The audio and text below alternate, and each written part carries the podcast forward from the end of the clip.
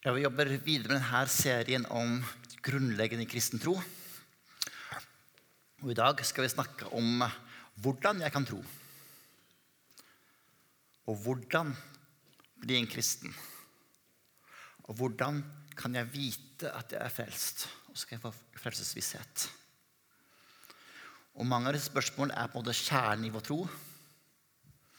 Og det er viktig at vi blir gode på kjernen. At vi som menighet er gode på evangeliet. Jeg har en drøm at vi som menighet kan bli eh, At dette er noe vi skal bli gode på. At vi skal være klare til å gi gode svar på gode spørsmål på disse, spørsmålene, på disse eh, grunnleggende tingene. På samme måte som man lærer seg et fremmedspråk og kan bli flytende i engelsk, så håper jeg at vi kan bli flytende i evangelisk. At vi skal være en frimodig menighet som tør å dele vår tro. At vi vet hva vi tror på. Ikke alle teologiske spørsmål og alle store spørsmål, men det grunnleggende. At vi vet hva vi tror på i grunnleggende og vi også vet hvorfor. Og vi skal øve oss å bli gode på vårt vitnesbyrd. Vi skal øve oss på å bli gode på å dele tro. Så når jeg er ferdig å tale, er det faktisk slutten av talen, så vil jeg invitere dere opp til å kunne være med og svare på disse spørsmålene sjøl. Hvorfor tror du? Hvorfor ble du en kristen? Hvorfor, og hvordan har du fått visshet i livet ditt om at du er frelst.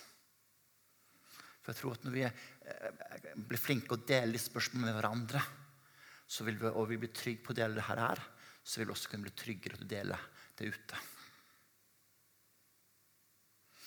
Så jeg drømmer skal, om at vi skal bli menighet som blir gode på det her. Så bare tenk litt. der når du skal dele etter hvert på slutten av møtet. Det er mye bedre å få invitasjon nå vet du, enn om en halvtime rett før. Så nå har du god tid å tenke, eh, tenke gjennom. Men det er bra at du også lytter. Så ikke ikke går helt, helt inn i det, summer helt inn. Hva skal jeg si? Eh, det er faktisk veldig gode, gode, grunner til å tro. Og vi har snakka om det de to foregående søndagene. Vi snakka om hvem er Jesus, og hvorfor døde Jesus. Det er gode grunner til å tro på Jesus og på Gud. Når vi ser utover, når vi ser skaperverket, på alt det fantastiske Gud har gjort, så peker det mot Gud. På samme måte som når du har en bolle, så peker bollen etter en baker. Vi ser en bolle, vi lukter, vi lukter uh, nybakte boller. Så tenker vi å, får vann i munnen, så, tenk, så, så, vet du at det er noen som bakte. Den er ikke bare kommet dit av seg sjøl. På samme måte når vi ser utover skaperverket, så peker det på Gud. Vi finner ikke baken i bollen. Vi kan putte ned små biter. Vi vil aldri finne baken her. Men den peker på noe utover sjøl. På samme måte skaperverket så vil vi ikke aldri finne Gud i skaperverket men skaperverket peker på Guds herlighet. På samme måte eh, bollen kan fortelle oss at det må finnes en baker. Men, men du kan aldri finne ut hvordan baken er. Er baken snill? Har han en familie? Er han, uh, har, har langt hår? Har han, er det en mann, dame, eller, dame eller mann? Det kan du ikke se ut fra bollen. Men bollen peker på baken. Så det er gode grunner vi ser utover, men også når vi ser innover i oss sjøl. Så det er gode grunner til å tro. Vi alle er skapt med et moralsk kompass. En følelse av ting er rett og galt. Når unge er to-tre år, så lærer, de seg å si 'mamma og pappa'. Og så lærer de å si at 'det er urettferdig'.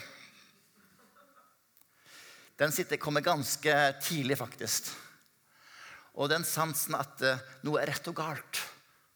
Vi er det moralske vesen. Den sitter vanvittig dypt i oss.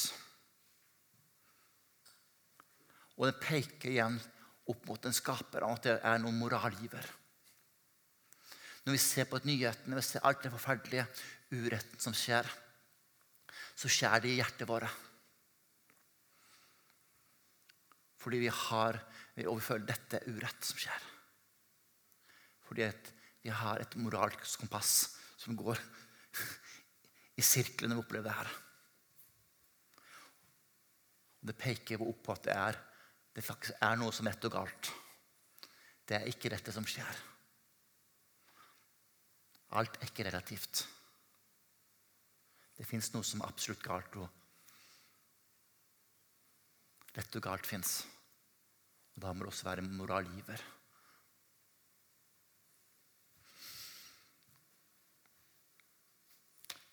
Vi er også skapt alle sammen til å rope ut etter mening. Vi spør hva er meningen med livet. Vi har lyst til å ha en hensikt. Det er kanskje det som skiller oss og dyrene. At vi søker noe mer. Mening med livet, hensikt. Det må være noe mer. It must be something more. Vi prøver å finne mening. Det peker igjen at det fins faktisk noe mening der oppe, der ute. tredje vi kan se når vi ser innover, er at vi mennesker har veldig vanskelig for å forholde oss til vår egen død. Det tror jeg er fordi vi er skapt for evigheten. Ordspråkene sier at Gud lagt evigheten ned i våre hjerter. Vi klarer ikke å forsone oss at dette her er alt. Det må være noe mer.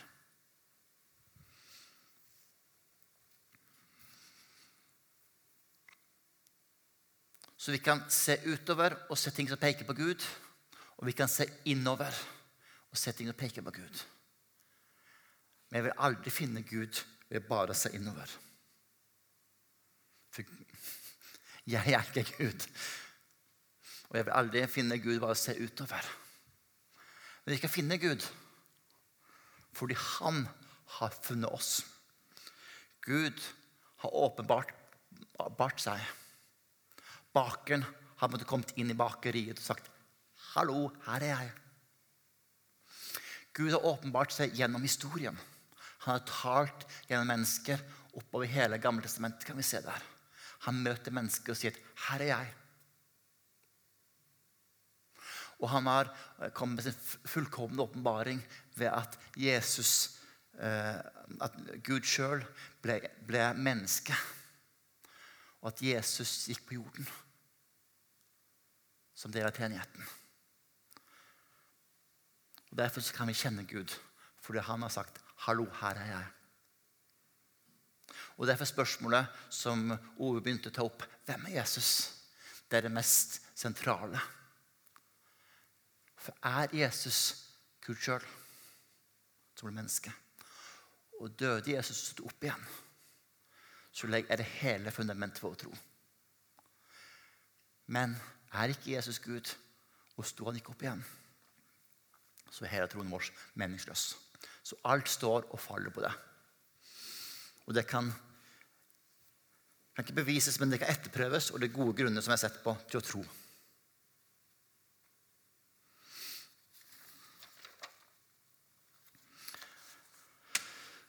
Så hvordan kan en bli en kristen? Jeg må tro på, tro på disse tingene. Men hva er tro? Å bli en kristen er ikke primært å bare slutte seg til visse trosutsagn. Vi er ikke en sånn her bevegelse eller en interesseorganisasjon som jobber for et eller annet målsetning, som Nei til EU eller uh, en miljøbevegelse. eller sånt. Sett. Det handler ikke om å slutte seg til primært visse trosutsagn. Det handler heller ikke om å bli en kristen. Handler heller ikke primært om å bli med i et fellesskap. Selv om ofte det blir konsekvensen av å bli en kristen. Du blir ikke en hamburger av å gå på Burger King. Hvis du går der veldig ofte, så kanskje det begynner å se, se, litt sånn ut. Og du blir kanskje lukte hamburger og pommes frites. men du blir ikke en hamburger og går på Burger King. På samme måte så blir du ikke en kristen av å gå i menighet eller kirke.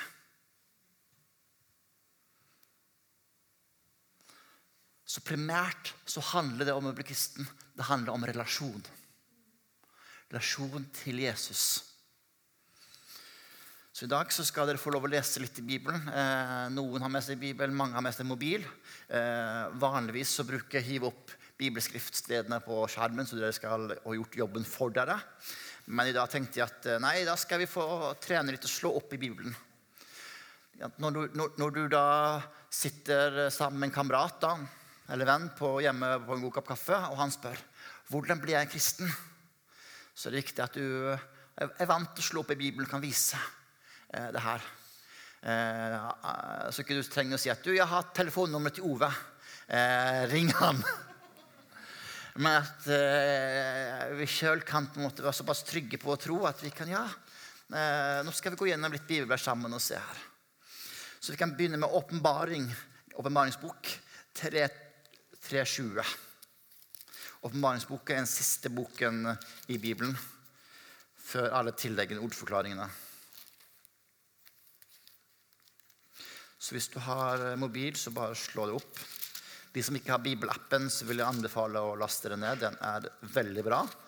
Og får Bibelen på veldig mange ulike språk og oversettelser og versjoner. Og kan slå opp veldig enkelt i den. Hvis du, hvis du bare husker et, et, vers, husker to ord, et, et ord i det, så kan du slå opp hele verset på den måten på søkefunksjonen. Så den er kjempegreit. Åpenbaringen 3.20. Det sier Jesus. Se, jeg står for døren og banker. Om noen hører min røst og åpner døren, vil jeg gå inn til han og holde måltid. Jeg med han og han med meg. Så det er egentlig det det hele handler om. Om relasjon. Å si ja til Jesus. Å åpne døra. Det var en kjent kunstner som lagde et maleri om det her, om Jesus som står på utsida av en dør. Jeg skulle gjerne vist dere bildet, men som, jeg har ikke lagd noe show, PowerPoint-show i dag. men jeg skal forklare et bilde. Der sto Jesus, og så var det døren som var symbol på hjertedøra. Og når han presenterte bildet, og hadde det, så var det mange som kritiserte og sa at du har glemt noen ting. Det er en dør, men du har glemt dørhåndtaket. Og så sa han nei, jeg har ikke glemt dørhåndtaket. Det var veldig bevisst. For hjertens dør er en dør med kun ett håndtak, og det sitter på innsida. Så Jesus står og banker, og det er kun én som kan slippe ham inn. Og det er eieren av hjertet. Andre kan gi deg målgivende pasninger. Du kan vokse opp i en kristent hjem, du kan være døpt. Du kan eh, eh, ha, ha, venner som eh, hjelper opp deg. Men det er kun én som kan slippe Jesus inn, og det er du. Så spørsmålet er hva gjør du når han banker? Så det handler ikke primært å godta visse trosutsagn eller være med en fellesskap, men som er viktig uansett. Men det handler om relasjon. Åpne og si ja. Og når du gjør det, så er det veldig mye løfter knyttet der. Det nye testamentet sier at når du sier ja, så skjer det noe dramatisk. Du blir faktisk en ny skapning. Og vi skal slå opp andre Korinterne 5.17.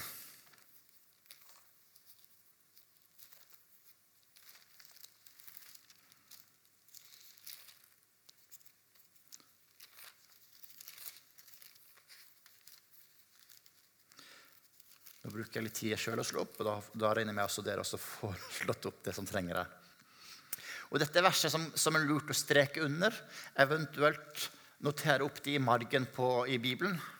Det er en del tomme sider før du begynner, så du har det tilgjengelig. at ok, Er det noen som spør, så vet du ok, nå, her er på en måte eh, litt svaret på hvordan kan jeg bli frelst. 2. Korintene 5, 17. Nei, den som er i Kristus, er en ny skapning. Det gamle er borte. Ser det nye det blir til.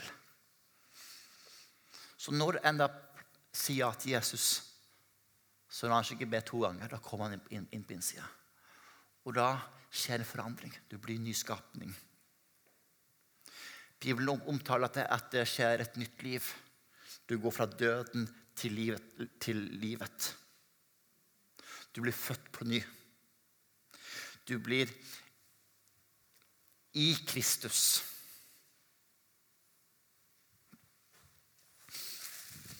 Hvis dette er ditt gamle liv, så blir du på en måte ikledd i Kristus. Og da ser ikke all din synd og alt det vanskelige. Men da plutselig så blir du en ny skapning. Du blir i Kristus. Du blir ren og rettferdig, himmelen verdig.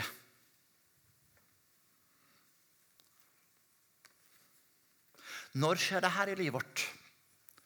Noen av oss kan fortelle om en spesiell dato.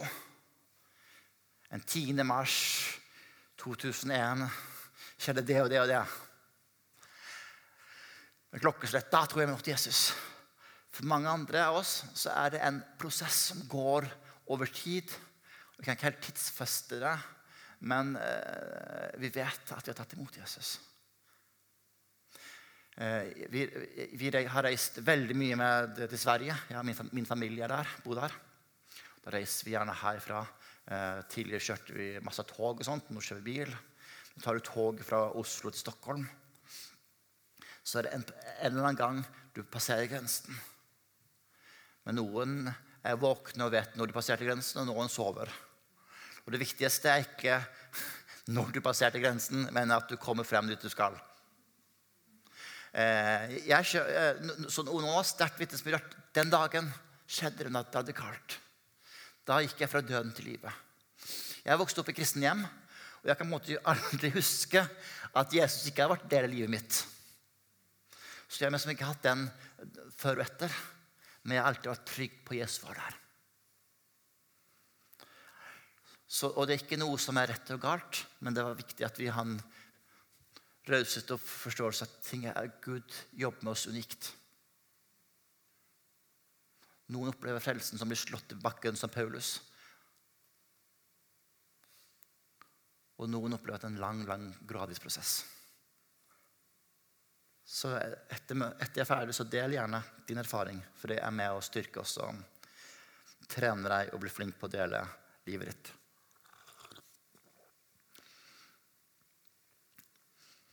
Så hvordan tar du imot Jesus? Du tar imot Jesus ved tro.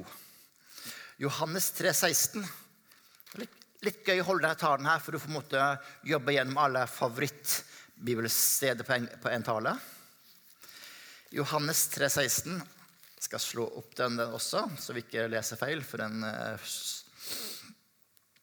for så høyt har Gud elsket verden, at han ga sin sønn, den enbårne, for at hver den som tror på ham, ikke skal gå fortapt, men ha evig liv.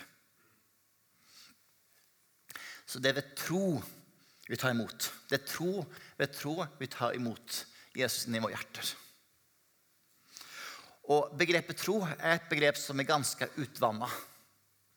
Hvis jeg sier at uh, hvis Arne hadde invitert meg på middag eller på besøk, så, så sier, jeg at, sier, jeg kanskje enten at uh, ja, jeg kommer.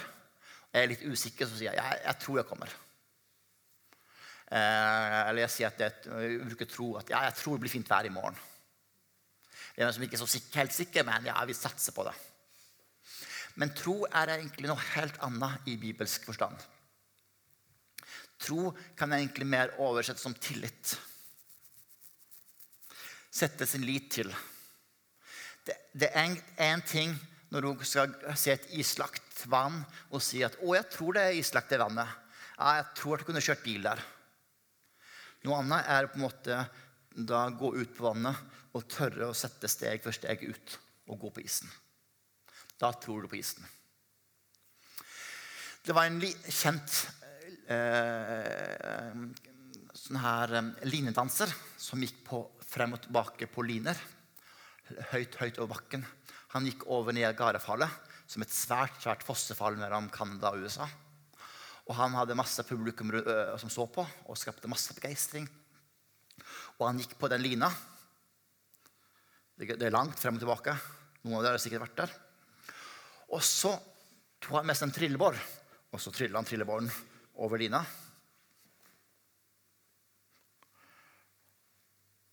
Og så spurte han tror dere at jeg kan putte en potetsekk oppi her og gjøre det samme.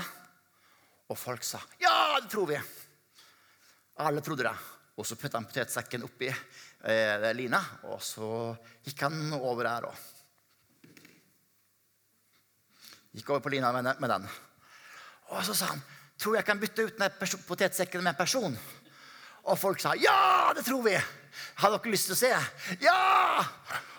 Ok, så flott. Kan jeg få noen frivillige her? Og da var det ikke så mange som trodde det likevel. Eh, og som historien sa, så kom til slutt opp en eh, eldre dame som lot, lot seg uh, sitte der. Og det var hans mor, da.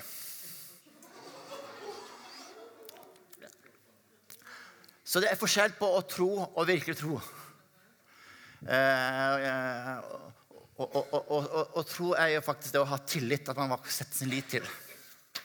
Vi setter vår, lit til det Jesus har gjort på korset.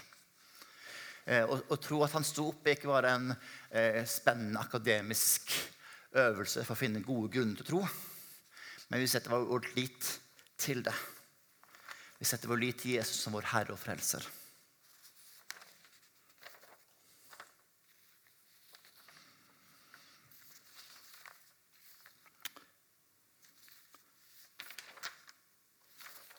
Da kommer igjen neste spørsmål. Hvordan kan jeg vite at jeg er frelst? Hvordan kan jeg få frelsesvisshet?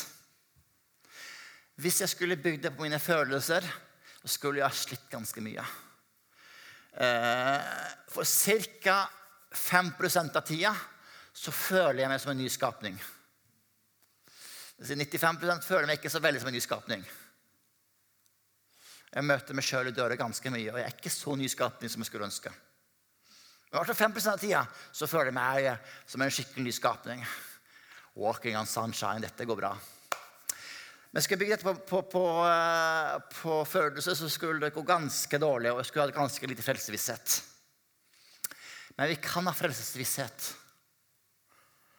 Vi kan vite at jeg er frelst, og faktisk skal jeg gi dere tre fundament for det. Du kan sammenligne det med egentlig et eh, ekteskap. Jeg er gift med Gunhild, nå er hun på søndagsskolen.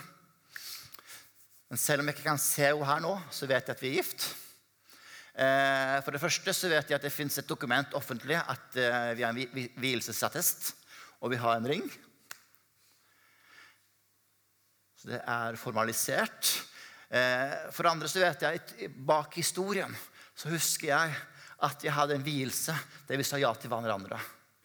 Og flere her i dag jeg, faktisk, jeg kan faktisk bevitne det. De var til stede på vår vielse. Ja, så dere kan si ja. Det, du Henrik, du er faktisk bekreftet. Du er faktisk godt, godt gift. Eh, og for det tredje så har vi et liv sammen som også vitner om det.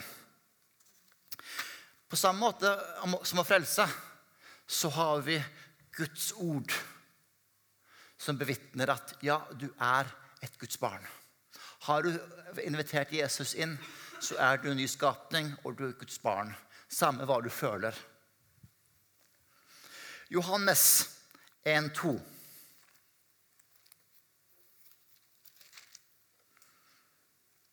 Eh, beklager, Johannes 1,12. Men alle som tok imot han, den ga han rett til å bli Guds barn. De som tror på hans navn. Så har du sagt ja til Jesus når han banker, invitert han inn, så sier Skriften at ja, tok du imot ham, så har du fått retten til å bli Guds barn. Og vi kan gå, gå videre i Johannes 10, 27 og 28. Det gode verset har med seg vil du sitte ned med noen og spørre hvordan kan jeg bli frelst. Mine sauer hører min stemme. Jeg kjenner dem, og de følger meg. Jeg gir dem evig liv. De skal aldri evighet gå fortapt, og ingen skal rive dem ut av min hånd. Så er vi blitt Jesus sau. Følger vi ham, så har vi løftet om at han gir oss evig liv. Og ingen kan rive oss ut av hans hånd. Så har vi Guds ord.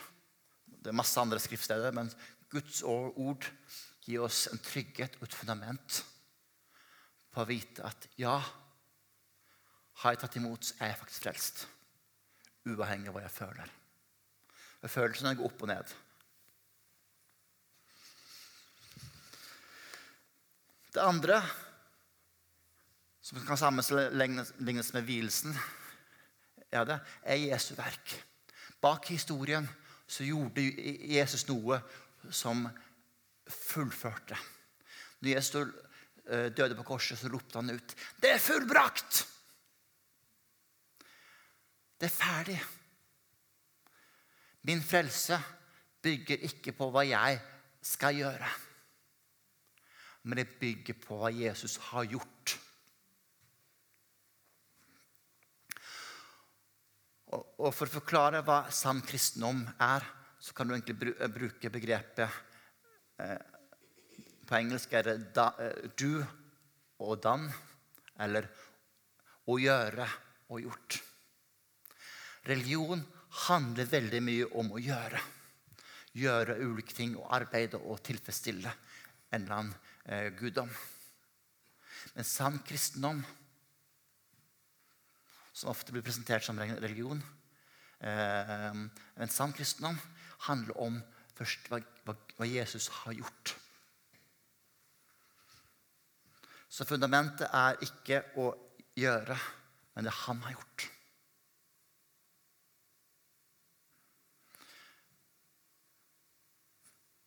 Det er veldig viktig vi begynner der. Men det er halve evangeliet. Det at vi begynner med det han har gjort. Og det handler ikke om å gjøre. Resten, resten av evangeliet handler om at når han har gjort noe, og hans frelsen er ferdig, så skaper han ferdige gjerninger kan vandre inn i.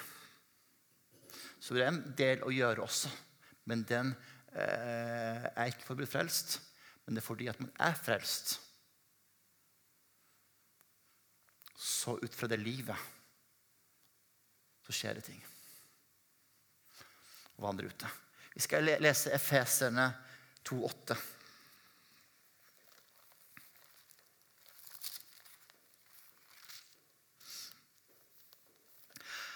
For av nåde er dere frelst ved tro.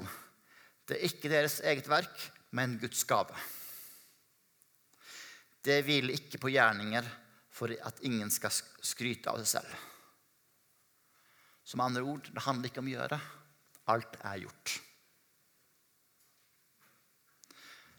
Så går vi videre i tid. For vi er Hans verk, skapt i Kristus Jesus til gode gjerninger, som Gud på forhånd har lagt ferdig for, for oss, for vi skulle vandre i dem.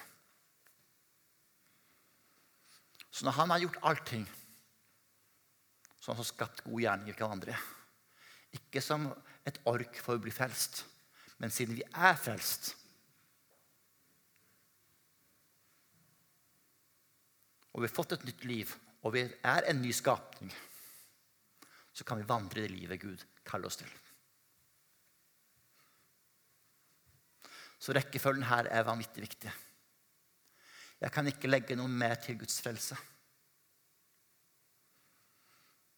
Han har gjort alt. Hva er det Jesus har gjort? Vi skal se i Romerne 3, 23.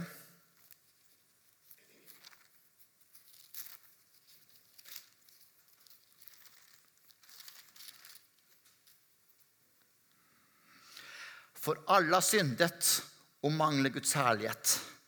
Men ufortjent og av Hans nåde blir de kjent rettferdige, frikjøpt for Kristus.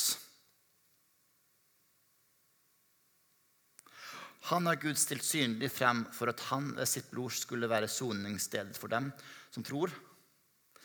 Slik visste Guds rettferdighet. Så vi er kjøpt fri. Vi er erklært rettferdige. Jesu verk har tatt bort vår synd og skyld. Vi er ren og rettferdig. Himmel enn verdig.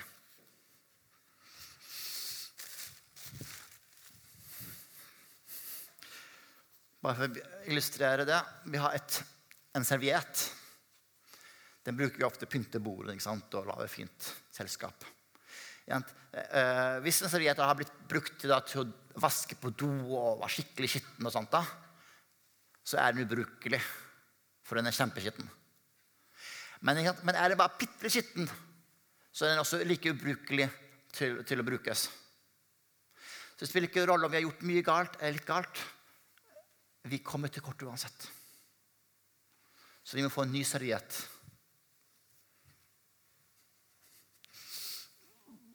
Vi får begynne på nytt og i Jesus ikle oss, og vi da er ren og rettferdig himmelverden.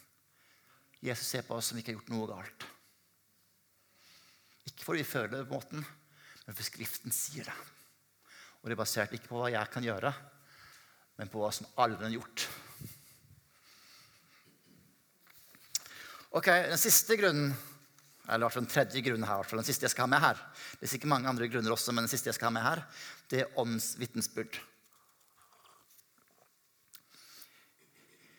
I Romerne snakker, snakker Paulus om at, at, Gud har lagt ned sin ånd i våre hjerter. Så når vi sier ja til Jesus, så flytter Den hellige ånd inn i våre hjerter. Og vi får en ny ånd som roper 'Abba, far'. Og Den hellige ånd skaper et indre vitnesbyrd at vi er Guds barn, at vi har en relasjon.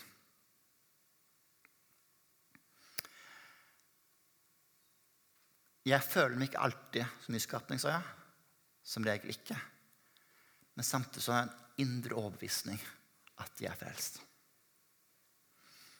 Så ånden skaper en relasjon.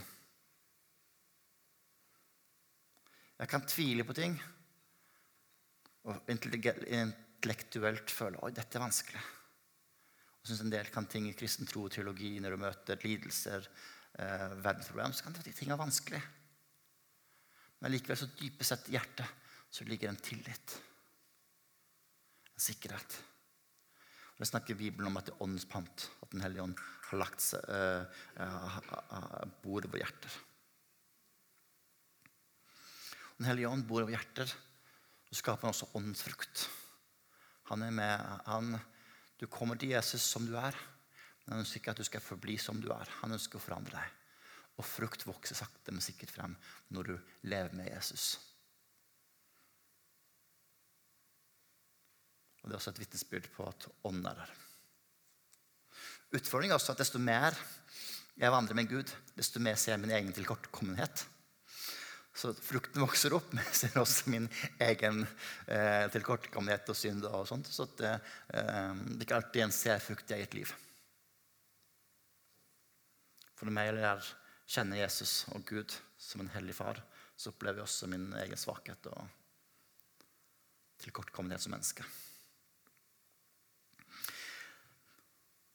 Så gjennom Skriften, gjennom Jesu verk og gjennom Helligånds vitnesbyrd så kan vi skape en frelsesvisshet i vårt liv. Og det er veldig deilig å vite at du er frelst. Vite at skal du dø i morgen, så kan du gå døden møte. Det er alltid kjedelig å dø, men du har den tryggheten at jeg er frelst. Det er et liv etter døden. Du går en helt annen visshet i møte.